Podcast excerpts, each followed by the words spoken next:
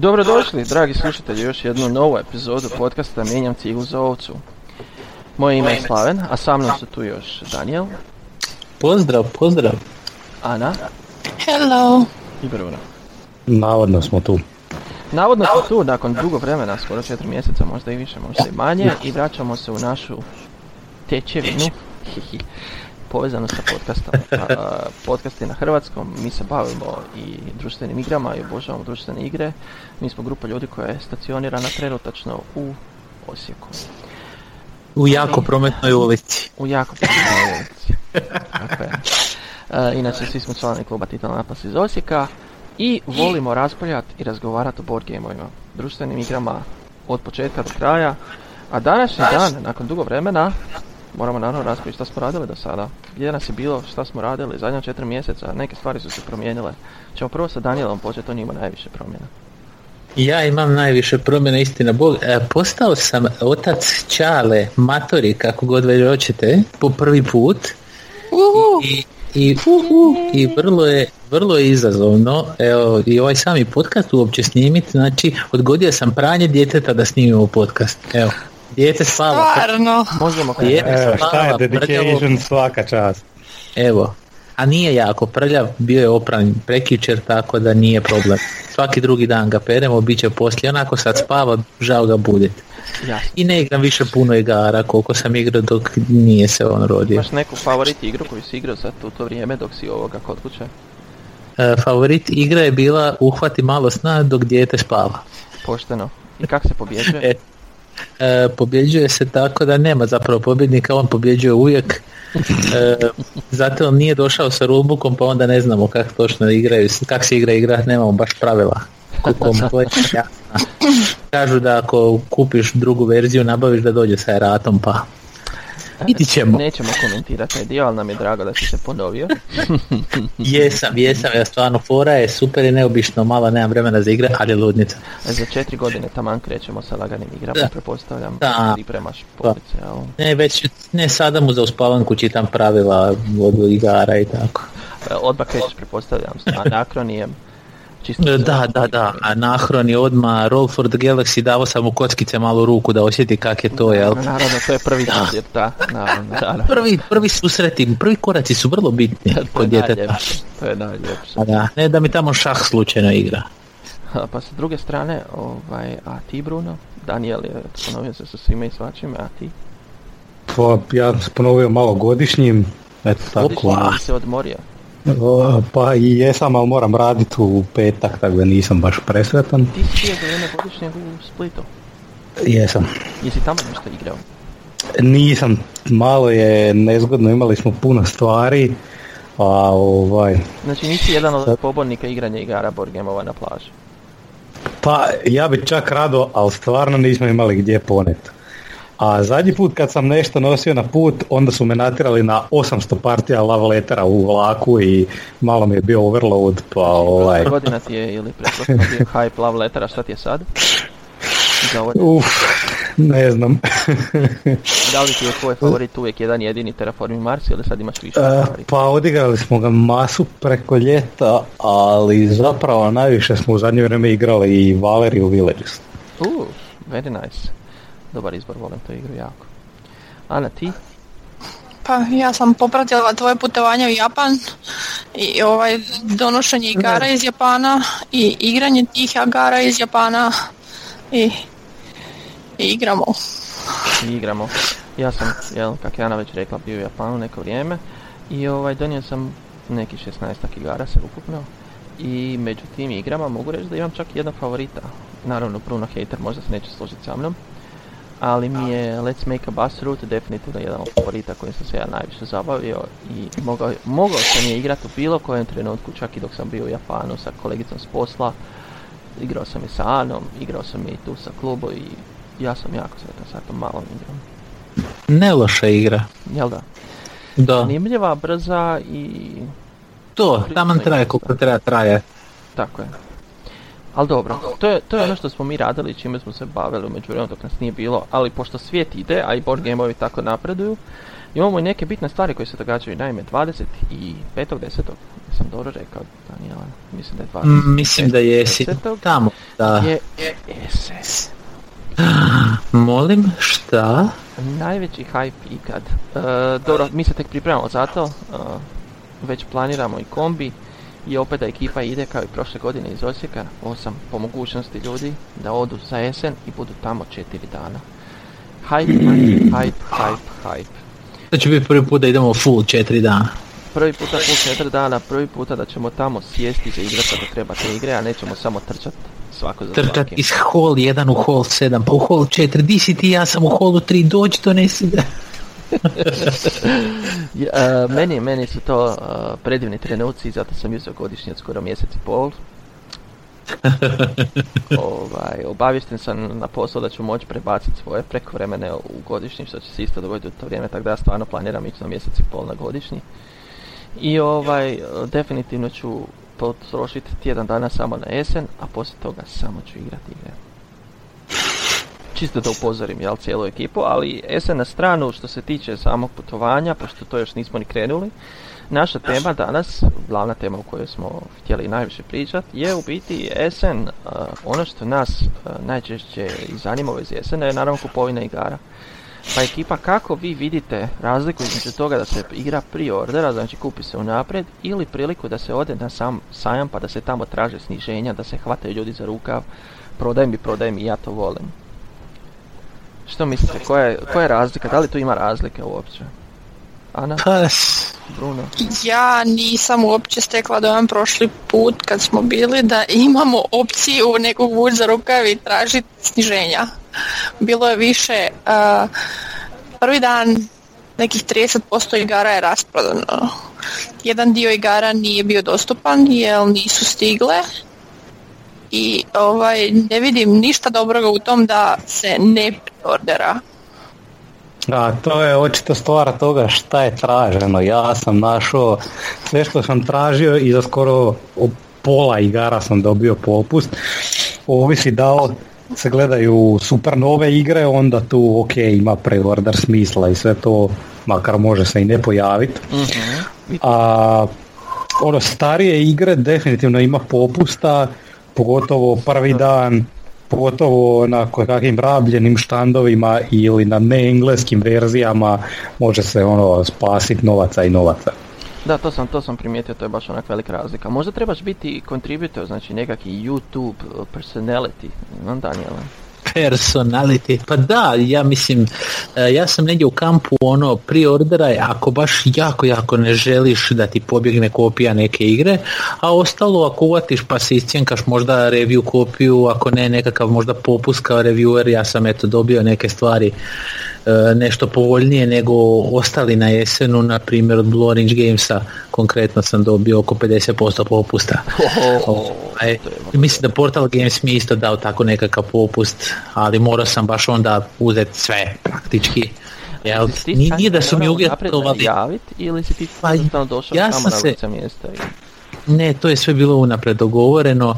E, samo jednu i dvije igre sam mislim dobio onak na blef. Da sam došao i rekao e, aj dajte mi, ja imam grevi u Kanadi, ja ću vam to napraviti, bit ću vam ludnica, super divno, krasno i svašta sam im nešto nalagao i onda su oni pristali meni da kupi. Pa nisi nalagao Dani, ali ti si o, pošten sad ljudi ne vide, ali ja radim navodnike sa prstima. Ah.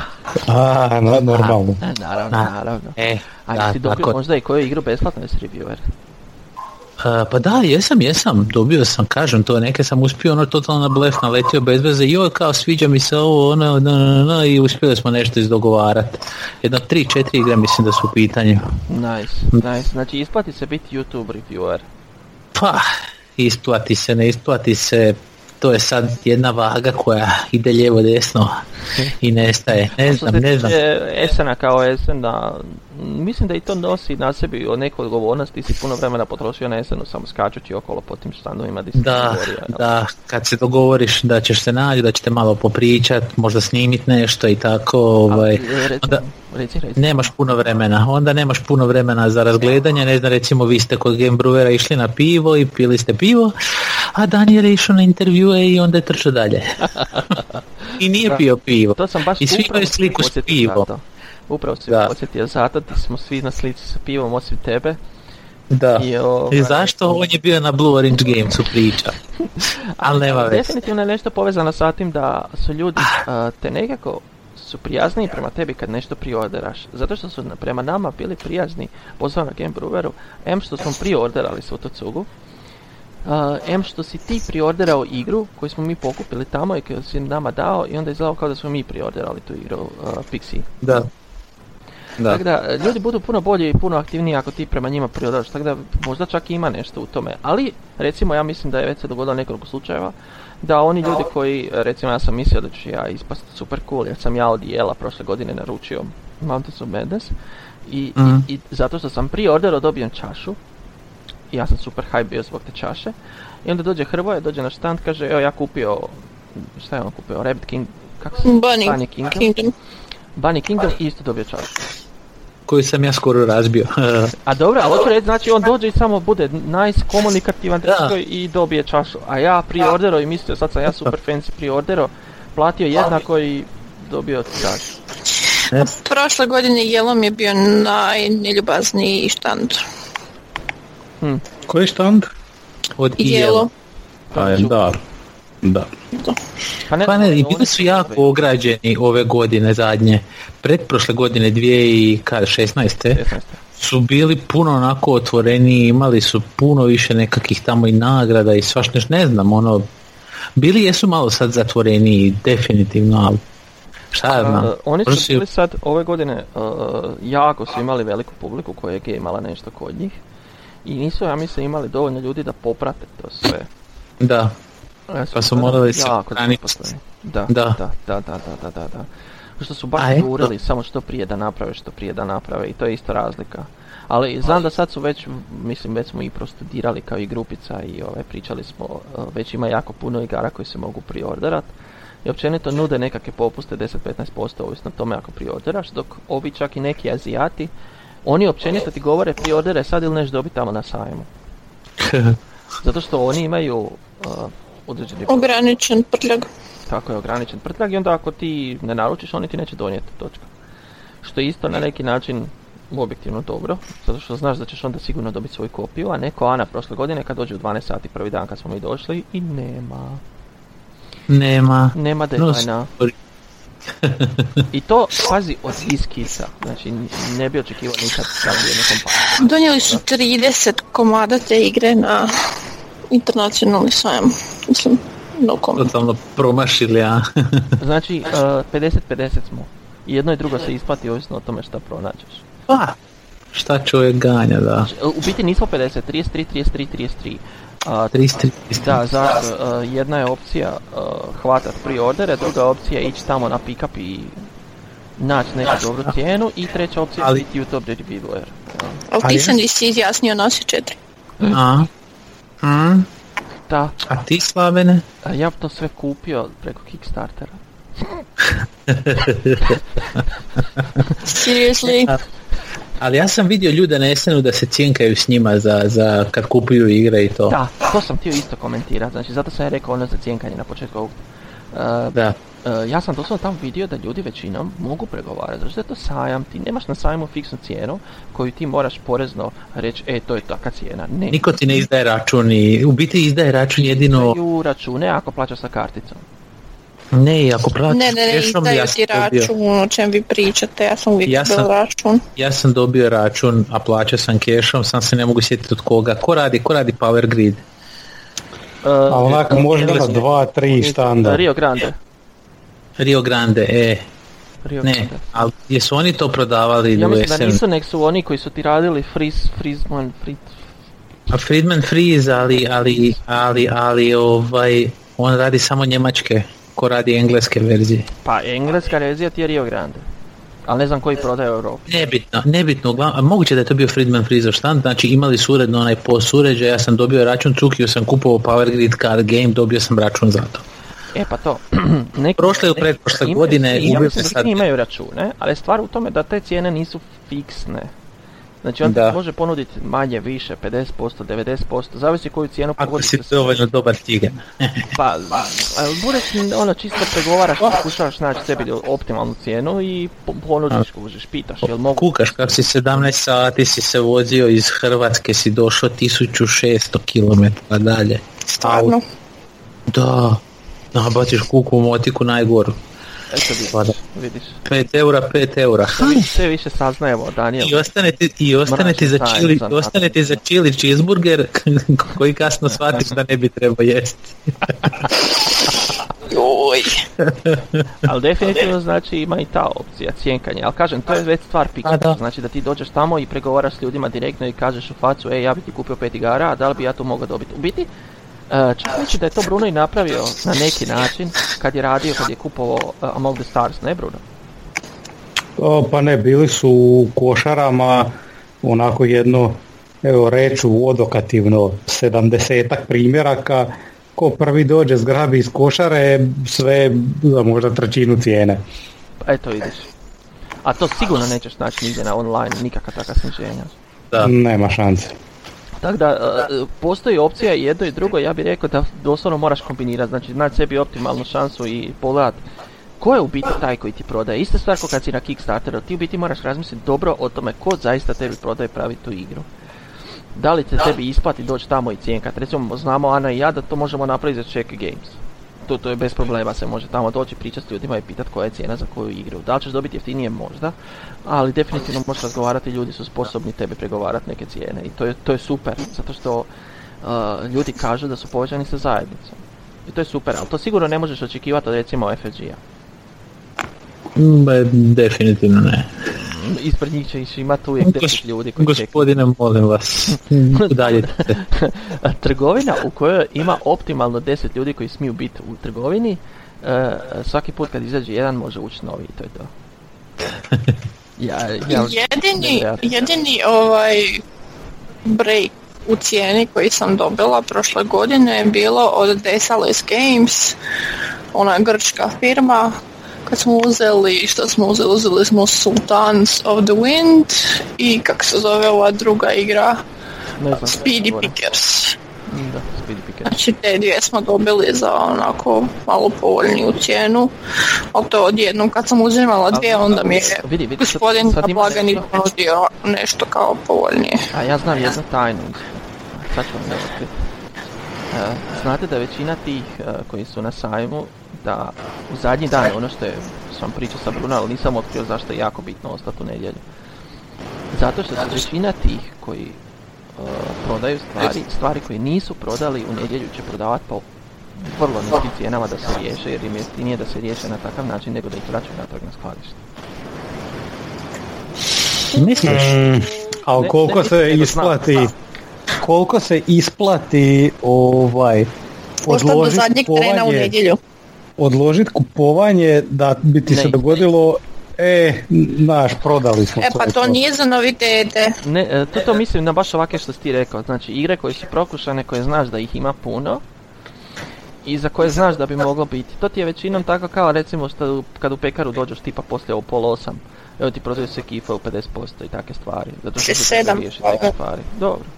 Sve se pokušavaju riješiti stvari, tak ti isto i sa ovim i to znam, to je definitivno tako i tamo. Sam trebao ovoga malo proučiti stanje i zato je bitna nedjelja. Ali dobro, znači imamo efektivno nekoliko pristupa kako možemo doći na shopping.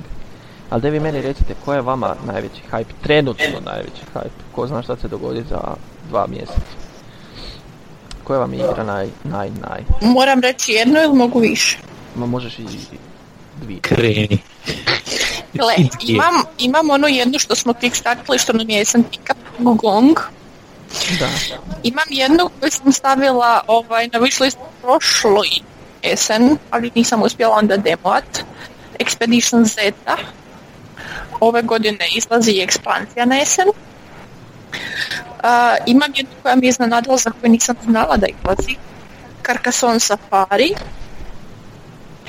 I imam jednu ovaj, što mi isto iznenađenje, to je Libraria. El Libraria. Sve igre koje si nabrala su mi toliko nepoznate. No šta? Da... Ja sam ih sve vidio, ali ono, Ja ne, Ne znam, e, to, to, to je, e, znači ima onak dvije slike o cijeloj igri. Koja? Pa Libraria. Ili recimo Expedition Zeta, ni to mi ništa. Ali slike govore tisuću riječi.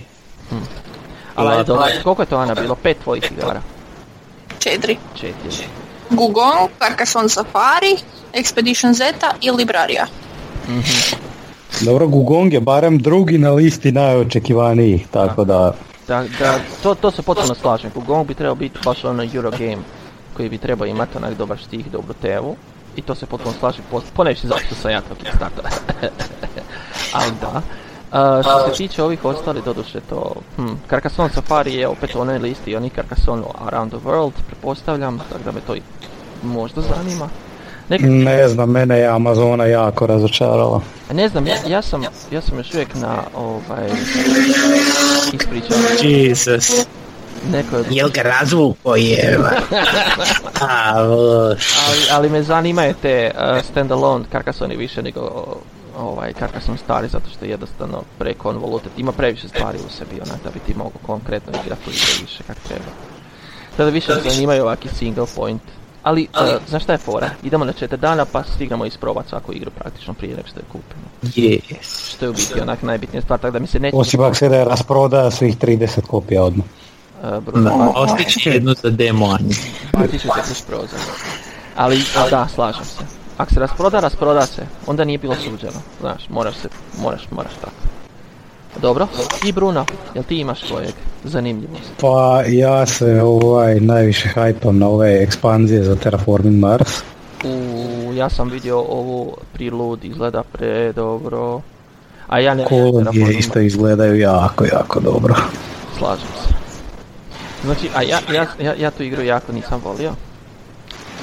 A ispalo je od Ali, ali otkad sam počeo pobjeđivati da mi je jako dobro. jel, nevjerojatno je. I sad sam se navukao, pošto sam je sad već odigrao jedno desetak puta.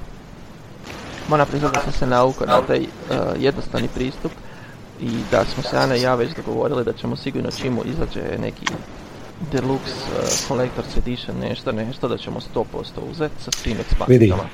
Ako dođeš točno kod Friksa na štand, što više kutija kupiš, veći popust dobiješ.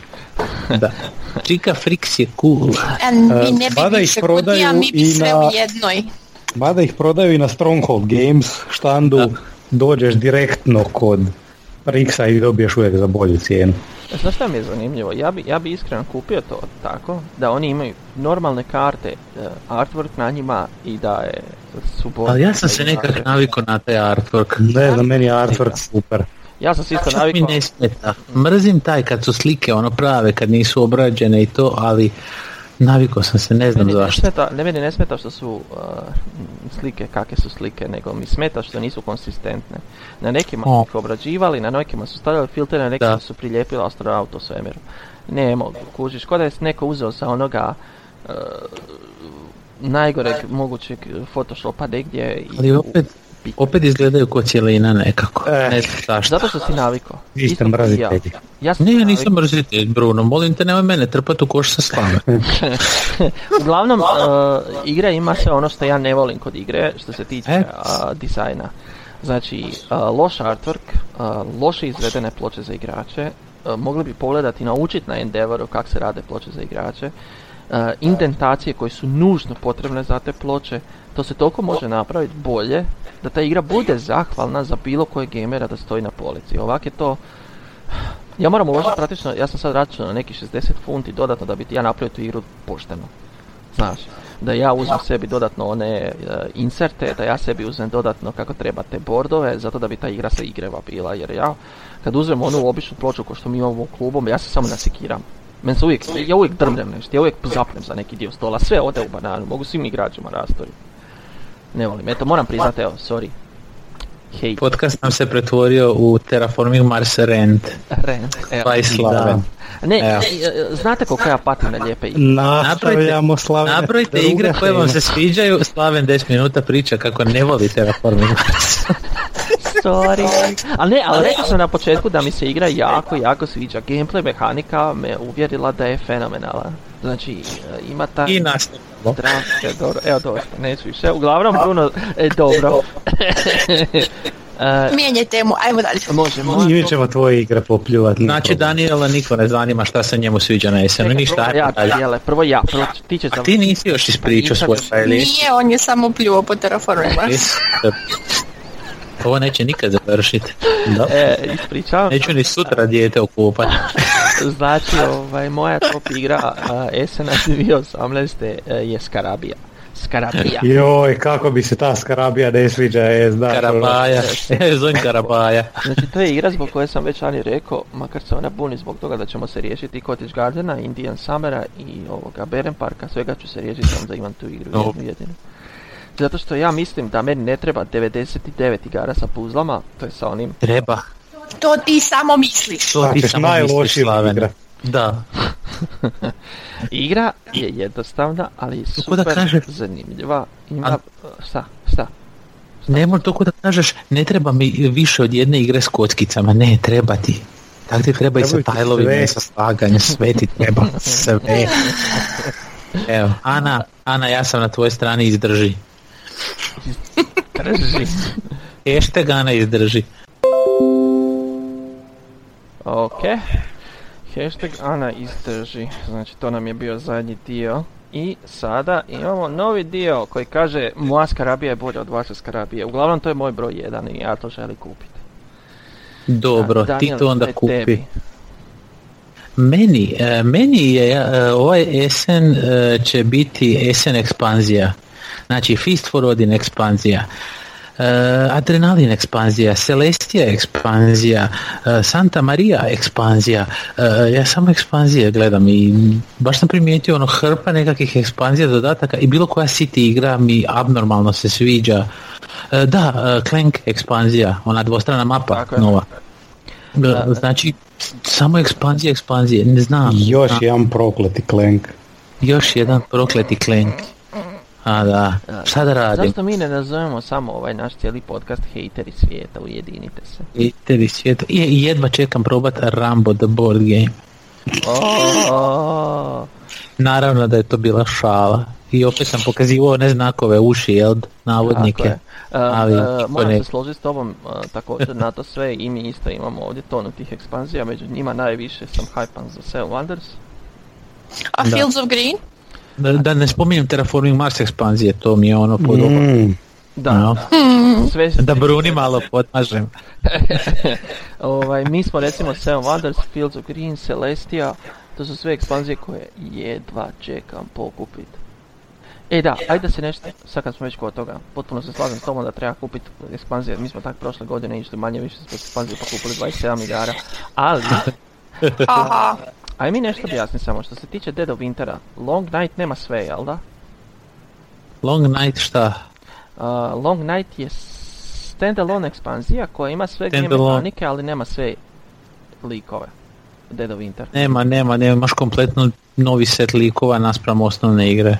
Znači ti možeš kupiti original, ali ti onda dodaje samo doslovno likove. I, i, likove, i- crossroad kartice koje su povezane uz njih i do, dodaje neku tamo ona ima onaj Raxon City Znam, znam, unutra. znam, ali hoću reći s core game recimo, ako ja želim imati sve, onda mi fali doslovno samo crossroads i likovi. Ovo Da. u biti ne treba. Da, ali neki crossroadsi i likovi su povezani, pa ono. Da, to je dosta nezgodno sve sp- spojiti u jednu veliku igru, ne znam. Dobro, dobro, e, sad sam malo otišao sa strane, e, s- spala mi je na pamet čisto zato što onda moram Mhm. kupiti kao ekspanziju, jer e, ovaj, e, to je recimo ekspanzija unatrag. Da, Ja kupujem core game koja je meni ekspanzija na moju ekspanziju. eto vidiš. Znači imaš, imaš Long Night, a nemaš original. Tako je. E, dobro, ali da, Da, što- nastavimo sa podcastom temom. Nastavi, Podcast tema sad uh, koju idemo smo htjeli isto pričati je da li je FFG poludio. Je. O ne, Iduća tema. molim te, molim te e, doprinesi e, nekim argumentima. E, ne, e, o- to što oni sad trenutačno rade, znači prič- želimo pričati o ovim stvarima, ovi unikatni dekovi, što ovaj, Znači, kako se radi se o i dvije for, stvari, da, da, Dvije, malo dvije. dam, da, dam malo ovoga mesa na ulje. Znači, radi se o tome da FFG je odlučio napraviti dvije nove igre, Lens Unknown i e, Keyforge. E, Da, ne, da se razumijemo, FFG je odlučio napraviti novce da. koji su zamazani da izgledaju koje igre. E, Ja sad ne znam koliko je to ovoga, sada trenutno izašlo i koliko je informacija izašlo, ali za sada glavne informacije se svode na to da jedna i druga igra su computer generated, e, jedna je card game, to je Keyforge, druga je e, tile placement game, nešto slično kao Seven Continent, u kojem uh, Keyforgeu, recimo Keyforge poseban, uh, je tako napravljen da se nikad ne mijenja deck, nek ćete uvijek dobiti random generated deck u koji će točno imati specificirano koliko će imati, ne znam, rerica, uncommona, commona za one upućene u Magic i takve stvari. I ovoga e, bez resursa se igra igra. Znači to još uvijek nije mi baš najjasnije kako to funkcionira, gledao sam gameplay, ali dobro na stranu. I s druge strane imamo Lens Unknown koji se svodi na to da ćete uvijek dobiti druge likove i drugi teren. Znači neka će biti pustinja, neka će biti nešto i vi se morate snaći u tom terenu i preživjeti najduže, koliko sam shvatio. Koliko je to viable za igru? Mm, ja sam ja sam vrlo zainteresiran za taj koncept prije svega. Jesi? Zvuči Koji, Keyforge ili Discord Lanzon? E, Keyforge, Keyforge, ispričavam se, nisam napomenio. E, Keyforge, zato jer e, recimo Magic me nikad nije pretjerano zainteresirao, jer meni se ne da sjedit, čitat kroz milion kartica i otkrivat koji kombo bi s kojim trebao raditi dobro i to sve. Recimo taj dio me kompletno ne Ovo interesira. su doslovno napomenuli kao jedan od stvari zbog koje su napravili Keyforge baš E, zbog ovoga to. što si ti sad rekao. I točno to, i tu su oni mene, s tom rečenicom su me dobili da sam onako, gospodo, imali ste jel, moju pažnju kako to već ide ona spika, nije najbolje kako to sve funkcionira, ali definitivno bi volio nabaviti dva, tri deka i probati igrat da vidim u čem je džir. Jel sviđa mi se to, uzmem dek i pokušam otkriti kako on treba funkcionirat, na šta se bazira, na šta ide i to je to. Al, a koja je drugu ne znam baš to za nekakvu kompetitivnu igru ili šta? Ne znam, Da. ne znam, Key- nemam blage veze. Keyforge je osmišljen kao kompetitivna igra koja bi trebala u dogledno vrijeme konkurirati bilo čemu na tržištu. Mislim, isti je tvorac koji ovaj, za Garfield, Magic, da. jel, Richard Garfield. I rekao je da je ne znam koliko dugo već imao tu igru u ladici, ali kao kad je on osmislio, tehnologija ju nije mogla izvesti. Tako je. Zato Da. što je ovo potpuni, uh, jel moram reći Bruna riječ, random fest. A, da. Uh, moje je pitanje sada broj 1. Uh, core koncept oko čega se vode svi dosadašnji card gameovi, uključujući ove online, core koncept je u tome da ti postoji nešto optimalno što možeš nabaviti ili što možeš zaraditi, jel? Keyforge to potpuno baca izvan balansa, donosi nešto novo što se zove random fest pri kupovanju i to se ne može promijeniti. da. Mene ono što zanima je na koji oni način mogu suzbiti varanje. Znači kako ćeš ti kad tebi neko dođe sa nekakvim dekom koji ima tri frakcije, znači ima ne znam koliko, 30 ili nešto Dobro. koliko frakcija, kako će ti znati da je to točno ta karta iz tvoga deka koju je on donio? Sad ću ti ja reći kako. Ajde reci. Svaka, svaka pozadina e, svakog deka ima unikatno ime e, generirano stvoreno, čitao sam Garfieldov baš e, post o tome, znači svaki dek na poleđini ima drugčije ime. Ok. I ako misliš da neko vara, uzmeš kartu i pročitaš i s druge strane je li karta iz tog deka ili nije. Ok, I to je to. To, to je bio moj To je problem, to. to. to je ono što mene zanimalo. Da. A broj dva, Svaki dek ima generirano unikatno ime. Neće broj se ponoviti ono, dva ono, deka. ono što ja mislim da će najviše bunu, o, Brunu bunit, uh, je kako napraviti balans u takvoj igri. Ne znam. Mene to budi.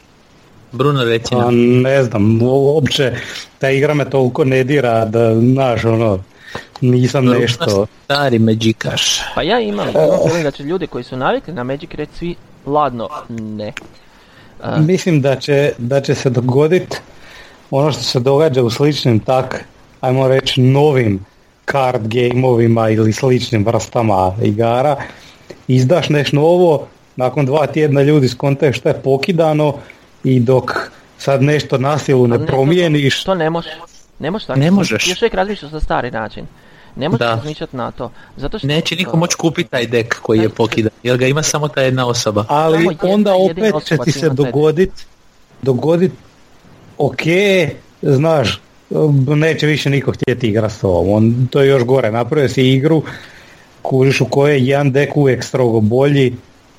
a, možda nije. nekako- ne vidim kako tu uopće može postojati balans. A ne znam. A namijenjena je kao kompetitivna.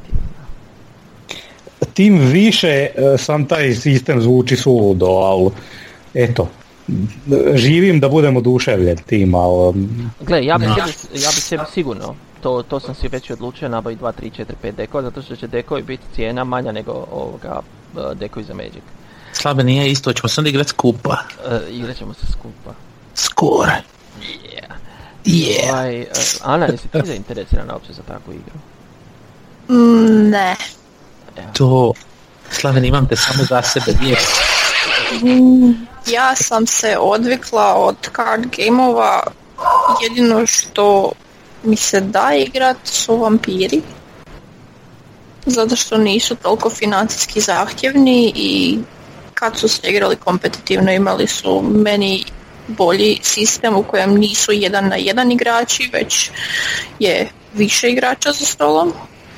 Ona druga, Discover Lands Unknown, me čak možda i zanima, ali ne volim to isključivanje da e, ako te sreća jel, posere, da ćeš dobiti što niko drugi. Kakva je ovo riječ? Šta je ovo? Ja ne znam. Molim te, udalji se. Evo što. Ne, a, daleko od toga da je, to, to je recimo sad card game, to su znači dvije potpuno opozit a, TV, Lens Unknown s druge strane a, mene je oduševio, ali je problem u tome što kako ćeš ti znat koju ćeš igru kupiti s obzirom na cijenu. Jeste vidjeli uopće kolika je cijena inicijalna za Lens Unknown? Naravno da nismo. 60 eura. Znači ti kupuješ 60 eura igru kojoj pojma nemaš šta će biti unutra i šta sad prvu igru kupiš i bila ti super, negdje si u pustinji se gubio sa prijateljima i onak jedva ste prošli tu pustinju i kako je bilo super, kako je bilo super. I sad ti kontaš pa ima još četiri ta terena, ne znam, 5, 6, 7, 8 terena, kupit ću drugu kutiju, onda kupiš i dobiš skoro pa isto. Ja poludio. Ja, ja sebi kontam da će to napraviti potpuno novo tržište na kojem će ljudi tradat međusobno te igre. E, imam pustinju, ti imaš more, kao pa ajmo se džorati takve stvari. Ali opet, uh, zvuči mi definitivno, ako ništa drugo, realnija mogućnost da će biti veća zabava u takvoj igri nego što će biti u Keyforge-u, za baš zbog toga ako neko želi, recimo kao što je uh, kompetitivan bit, uh, na turnirima pobjeđivati jer uh, neki ljudi čisto igraju card game zbog toga. Znaš, nije svako zato da bi se nužno per se vidi zabavu samo sudjelovati, nego i pobijediti, jel? Ha, da. Mislim da će Keyforge i ovo, i ako tak nastavi, pitam se da li će taj trend nastaviti sad. Ne znam.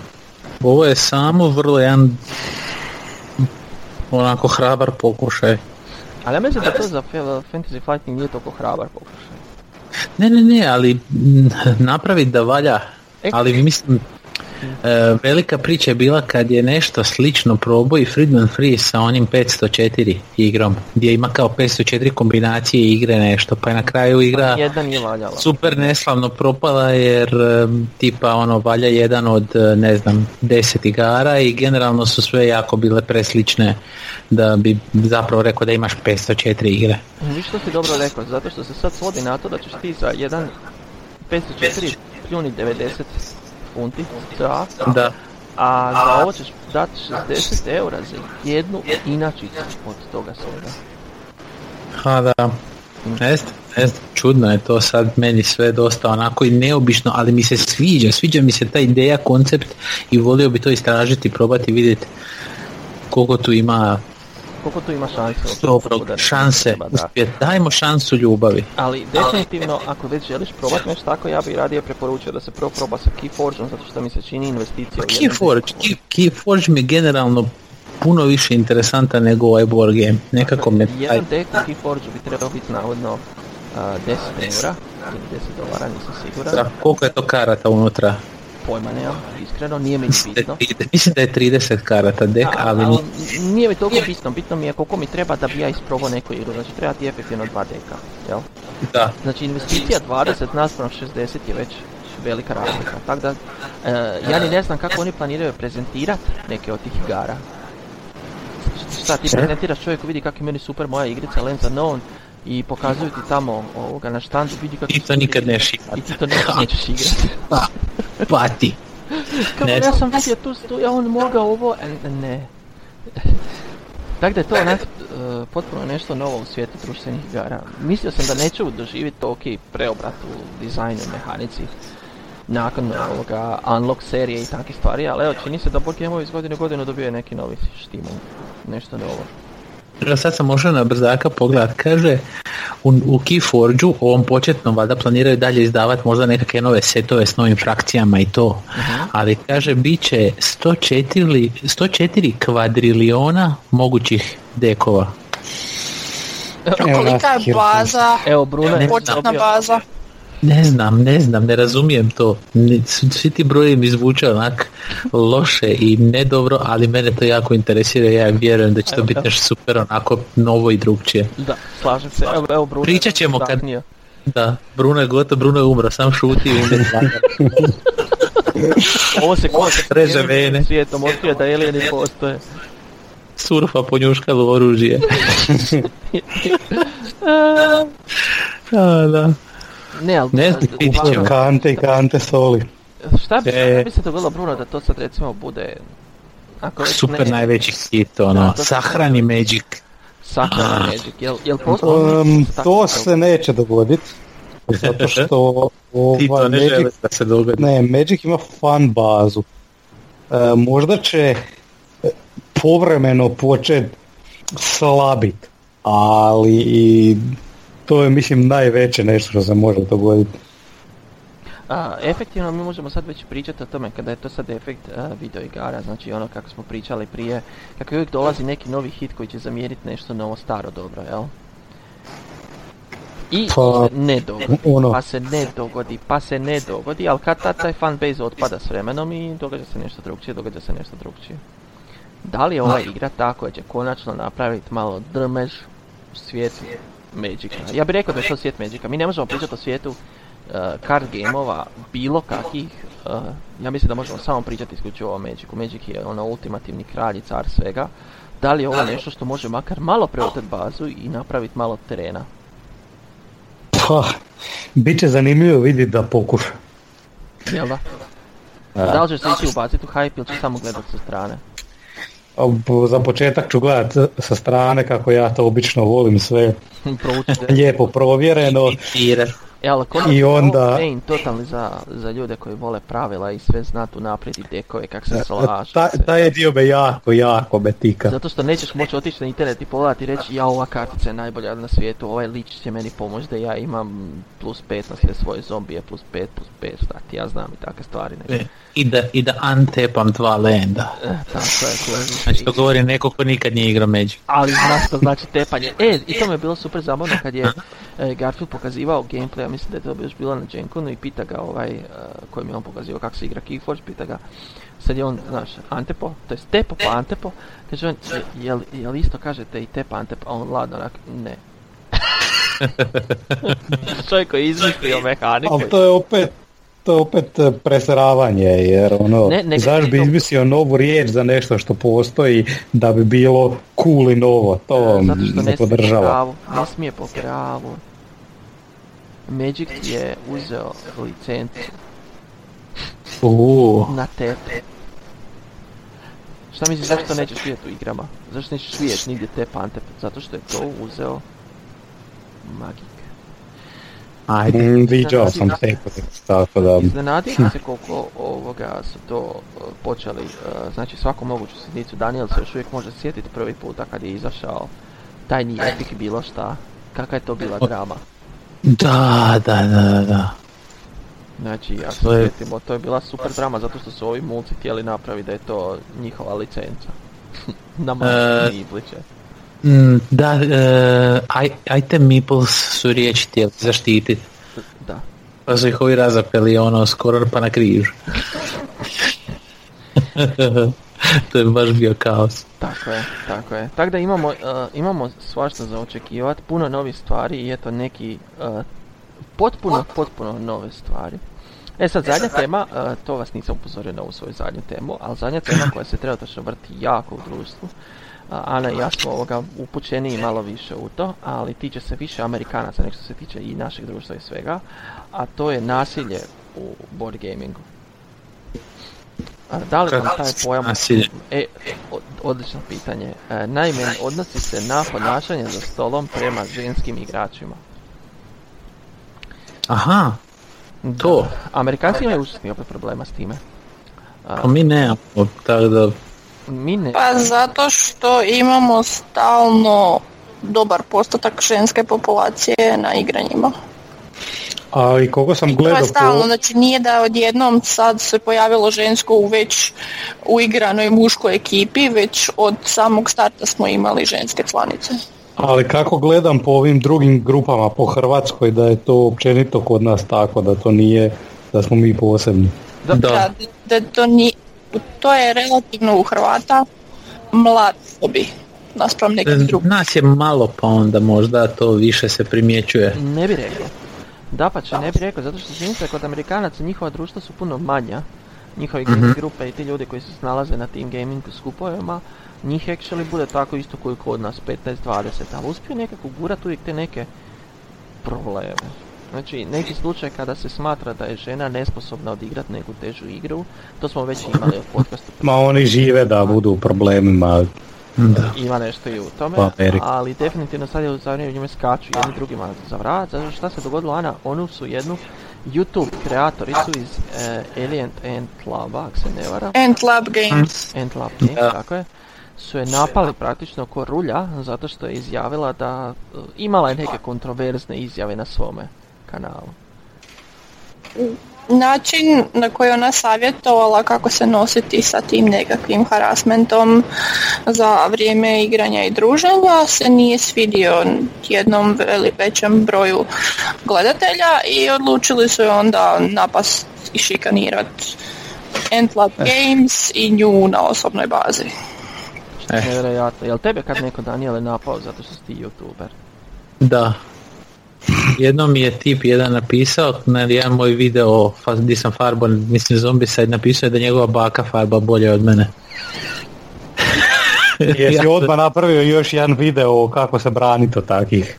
Ne, ne, nisam. Nego sam mu napisao da se zahvaljujem i ako može neka mi proslijedi kontakt od bake, pošto sam ja uvijek za naučiti nova iskustva i znači onako recimo mo- ispalo je pasivno agresivno ali mene to stvarno ne dira. Ne znam, ne znam, ljudi će napraviti dramu, mene, ja, mene takve stvari ne diraju. Ja mislim da su, da su Amerikanci, da se po tome ističe njihov karakter potpuno drugačiji od nas pozvane u shvaćanju svijeta oko sebe. Gdje je crno-bijelo. Znači ti ne smiješ imati sivo mišljenje, nešto u kojem... a, Ne smiješ biti, ne znam, odmah se, svi se nešto u zadnje vrijeme vrijeđaju, sve, svim, sve nešto smeta, svi nešto kukaju. Triggered and offended. Da, abnormalno. Meni Da. to nije jasno, meni to presmiješno, ono. Hoćemo se mi na board game vratiti. Da. Pa ali ovo Pa nije pitanje za board game ovo je baš Pa je- bitno pitanje za board game zato što ja znam da to u našoj zajednici nema, ali kad se mi proširujemo zajednicu lagano i kak nam dolaze novi ljudi i nama dođe do čudnih situacija nekad i o, Prije kasnije će neko doći ko nije normalan. Šta ćemo onda? šta ćemo onda? Ne, Onda ali, ćemo e, to je to, Motko to, to je stvarno bitno. E, mi do sada, evo, da kucnemo drvo, mi do sada nismo imali problema sa niko da nam je pokušao mazniti neku igru. Da. Recimo. Ali šta napraviti u tom slučaju da ti ne vidiš kak neko nosi Bruno ovoga Terraforming Mars i, o, gledate, gledate, ti kužiš šta se događa, on kuži šta se događa i počne trčati niz stepenice. Još onako digne kutiju i pita Bruno, e, prelud unutra ili to još niste nabavili? Ovaj, ne brini, ja sam već ovaj namazao one pločice kod stražnih vrata da se tamo ne može trčat. Ima GPS u kutiji. A ako se ošteti, ima taj neko bubrege da kupimo novu, tako da Mi sve. ne razmišljamo na takav način. Mi ne razmišljamo da se nama može tak nešto dogoditi, ali evo sad kad čitamo ovakve stvari, znači osim što postoji eto takva glupost kao što je nasilje među gamerima, gdje je valjda dobio neki igrač Magica šaku u glavu, zato što je imao E. rasističke izjave. Ovaj, od drugog plana, ali hoću reći, takve stvari nama ne dolaze ni do kraja, jel? Nikako, zato što imamo nekako mirnije grupe, ali nikad ne znaš što bi se može dogoditi, što se može dogoditi na jednom game Možda Istina. se držimo drugčije, možda smo pametniji, ali hoću reći samo šta se događa oko nas, da je vrlo, e, što se širi hobi, to ima sve čudnijih, čudnijih stvari što se događaju u samom hobiju. Znači, to, to više nije dvoje ljudi koji su u podrumu igraju neki Magic ili ovoga, sedam ljudi koji uh, se vrište i deru na sebe dok igraju Pictionary. To je sad već globalni fenomen koji donosi svakake ljudi, svakake. Recimo Daniel je već govorio na svome uh, vlogu Jesam. O, o varalicama na Kickstarteru. Da. Znači, to se pojavljuju se sve više. Da. I, i, to je ona ekipa jel, iz Pakistana koji su... da, da, koji su rekli da su iz Kanade. Koji su rekli da su iz Kanade sve više imamo takvih nekih elemenata koje inače mi prije dvije, tri godine nikad ne bi rekli da će neko povezati uopće sa board gamingom, znaš, što bi tu imao što? Postaje hobi sve popularniji, širi se i neminovno će privući ljude koji imaju manji prak tolerancije i... Samo čekam, samo čekam jedan dan kad će nam doći neko u klub i reći da tu ubire maržu, kužiš, ne mogu, ne možemo mi tu biti, kužiš, moramo dati neku kunu. A, misliš, a? Mm, Reketa, mm. Strašni reketari. Tako je, E, pro, pobjedi Bruno, terraformi Marsu i može. e, e, kožeš. E, u svakom slučaju, to je jedna tema o kojoj treba još raspraviti, no dobro. Sad, e, da završimo za danas, e, recite mi, molim vas, e, igru s kojoj se najviše radujete da biste mogli zaigrat ako bude bilo sreće sljedeći tjedan. Bilo koju. Ja sam sad ja zbog djeteta sam trenutačno sretan ako zaigram bilo šta. Ali jako, jako bi volio zaigrat uh, Braz Birmingham, pošto sam igrao Lancashire, Lancashire, Lancashire, nebitno, ne znam izgovorit. I Braz je izuzet bože fenomenalna igra, ja nisam ni znao da je toliko dobra. Navodno nije puno, ovaj reprint nije puno stvari promijenio nas prom originala ovaj, koliko sam uspio iščitati iz eh, odgovora drugih ljudi i jako me zanima sad ova druga koja je novo osmišljena s ovim reprintom došla, kakva je i kako se igra i to mi je velika želja probati, ali ovaj vikend vrlo teško. Teško? Pa da, pošto je kum je isto se ponovio u dijete, tako eto mi to tako sve skupa radimo. ovaj, pa ćemo malo slaviti kod njega u petak, pa onda neću vjerojatno biti e, sposoban igrati. Pa da. Ja mislim da hoćeš, ali bit će. Vidit ćemo. Znači, Bres, tebi, broj jedan. Bres, Birmingham, da, vrlo rado. Ana? Ana? Pa ja bi igrala u zadnje vrijeme Ex Libris malo više. Lijepo, da, to znam da nije dovoljno izigrano. To zahtjeva još pažnje. To je vrlo zanimljiva i dobra igra. ja, ja bi najviše htio da sam u Hrvatskoj. I ovaj, ja bih htio igrat Miran Far. Mislim da nisam dovoljno da to igraju, da mi je ja bih ti... dobra. Čekaj, čekaj, ne možeš dvije igre, rekao si jedno, hoćeš Nier ili Far? Ajde, idemo sa Nier pa ćemo preskočiti na Far. Ali jako, jako me zanima i jako bih htio igrati tu igru. A ti Bruno? Pa, ne znam, Mystic Vela malo igrat nismo sad igrali par tjedana, pa ono, lagano groznica. groznica, treću seriju. groznica. Još kad si skušao ovu ekspanziju sada koja dolazi isto za jesen. Mm. Mm. Ja. Imamo se čemu veseliti. Odlično. Boga mi da. Eto, onda ćemo završiti ovoga sa veseljem naš prvi podcast nakon dugo vremena. Hvala svima što ste nas slušali i pozdrav od ekipe Mijenjam cilu za ovcu. Bye-bye. Bye-bye. Bye-bye. Bye-bye.